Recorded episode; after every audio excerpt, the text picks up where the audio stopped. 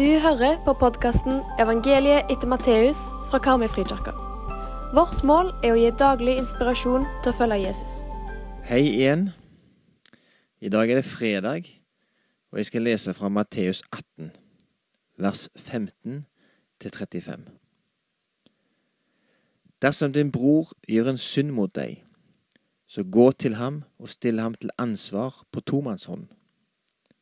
Hvis han hører på deg, har du vunnet din bror. Men hvis han ikke hører, skal du ta med deg en eller to andre.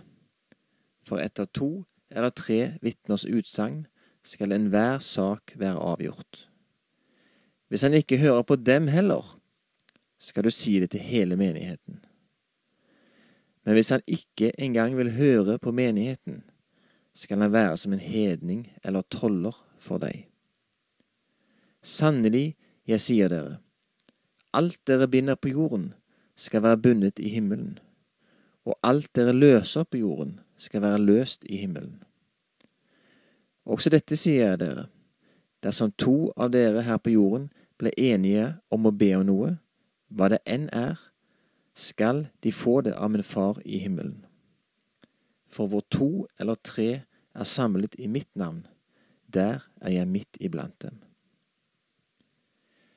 Da gikk Peter til ham og spurte, Herre, hvor mange ganger skal min bror kunne synde mot meg, og jeg likevel tilgi ham?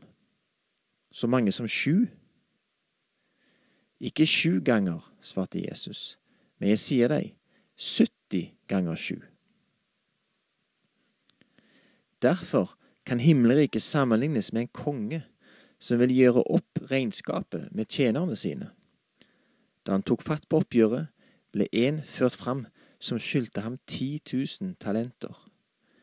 Han hadde ikke noe å betale med, og Herren befalte at han skulle selges med kone og barn og alt han eide, og gjelden betales. Men tjeneren kastet seg ned for ham og bønnfalt ham, vær tålmodig med meg, så skal jeg betale deg alt sammen. Da fikk Herren inderlig medfølelse med denne tjeneren, slapp ham fri og etterga ham gjelden.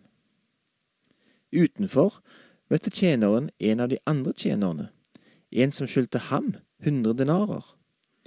Han grep fatt i ham, tok strupetak på ham og sa, Betal det du skylder. Men den andre falt ned for ham og ba, Vær tålmodig med meg, så skal jeg betale deg. Men han ville ikke. Han gikk av sted og fikk kastet ham i fengsel. Der skulle han sitte til han hadde betalt gjelden. Da de andre tjenerne så hva som skjedde, ble de dypt bedrøvet og gikk og fortalte herren sin alt som hadde hendt. Da kalte herren ham til seg igjen og sa til ham, Du onde tjener, hele gjelden etterga jeg deg, fordi du ba meg om det. Burde ikke du også ha vist barmhjertighet mot din medtjener, slik jeg viste barmhjertighet mot deg? Og Herren ble sint og overlot tjeneren til å bli mishandlet av fangevoktere til han hadde betalt hele gjelden. Slik skal også min himmelske Far gjøre med hver og en av dere som ikke av hjertet tilgir sin bror. I dag har vi en ny fortelling der Jesus snur ting litt på hodet i forhold til hvordan disiplene tenker. I dag handler det om tilgivelse. Peter går til Jesus og spør om hvor mange ganger han skal tilgi en bror som har synda mot han. Peter foreslår sjøl at han kan tilgi sin bror sju ganger. Det som er litt interessant her, som jeg leste i studiebibelen, det er at når Peter foreslår å tilgi sju ganger, så var det på den tida regna for å være veldig raust. Det var nemlig en slags god folkeskikk at en skulle tilgi tre ganger. Så når Peter her foreslår sju, så tenker nok han at han tar veldig godt i. Kanskje han til og med forventer skryt av Jesus for det svaret. Men Jesus snur alt på hodet når han svarer sju ganger 70. Poenget til Jesus her er at en skal ikke holde regnskap med hvor mange ganger en tilgir. Du skal alltid være villig til å tilgi. Jesus forklarer det videre med en lignelse. Lignelsen handler om en mann som skylder 10 000 talenter. Jeg var ikke klar over det, men jeg leste nylig at 10 000 talenter visstnok var ei helt vanvittig gjeld.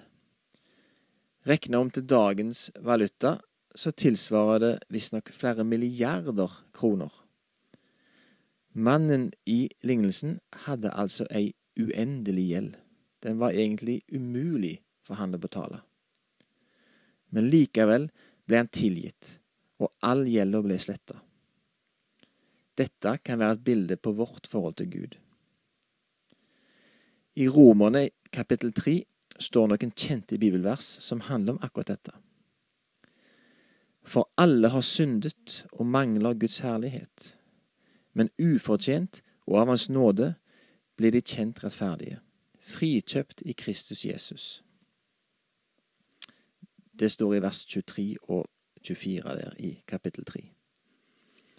Så akkurat som mannen i lignelsen, så står vi òg i ei uendelig gjeld.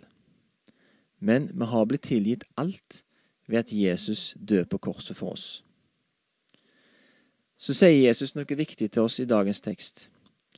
Når vi har fått en så stor gave, som å bli tilgitt ei uendelig gjeld, så må vi òg vise samme barmhjertighet og tilgi våre medmennesker.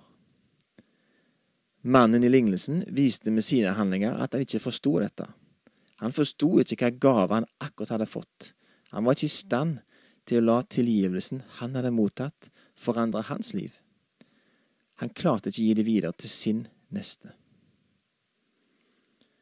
Det å tilgi er vanskelig, men det er en ufattelig fin ting å kunne gi og få.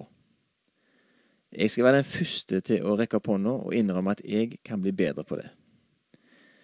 Jeg leste en interessant artikkel en gang om barneoppdragelse.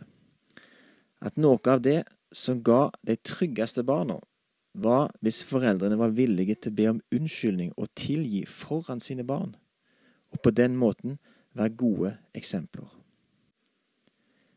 Jeg ønsker å være en person som har et tilgivende sinn.